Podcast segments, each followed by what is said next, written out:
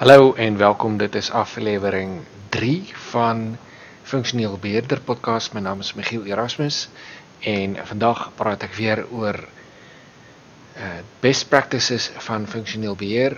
Uh vir mense wat nie weet, ek ben Suid-Afrikaan, dus dit gaat uh, Nederlands gaat niet altijd zo, zo goed, maar in ieder geval de beste practice voor functioneel beheer vandaag heb ik het over gebruiksweeracceptatietesten. En een goede belangrijke ding wat je kan doen is documenteren testresultaten en bevindingen.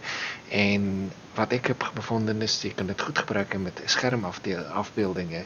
Want wanneer je aan tafel zit met uh, gebruikers en er zijn soms wel vragen, of dan kun je beter schermafbeeldingen gebruiken die je op papier hebt uitgeprint en daardoor uh, kan je ook meer zeker weten wat de resultaten zijn.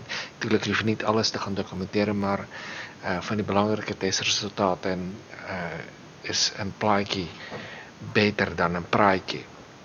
En ook kan je tools gebruiken als screenshot en het is open source, daarmee kun je schermafbeeldingen maken. Je kan tekstjes op schermafbeeldingen plaatsen. En dat werkt veel beter dan die ingebouwde Windows knipprogramma. En dat is dus ook handig voor testoverleg. En ja, ik hoop dat je hier meer aan hebt. En als je meer wil weten over testen en functioneel beheer, geautomatiseerde testen, contact Michiel Apenstaartje Erasmus-ICT.nl. En dank je dat je had geluisterd. Mijn naam is Michiel. Einde bericht.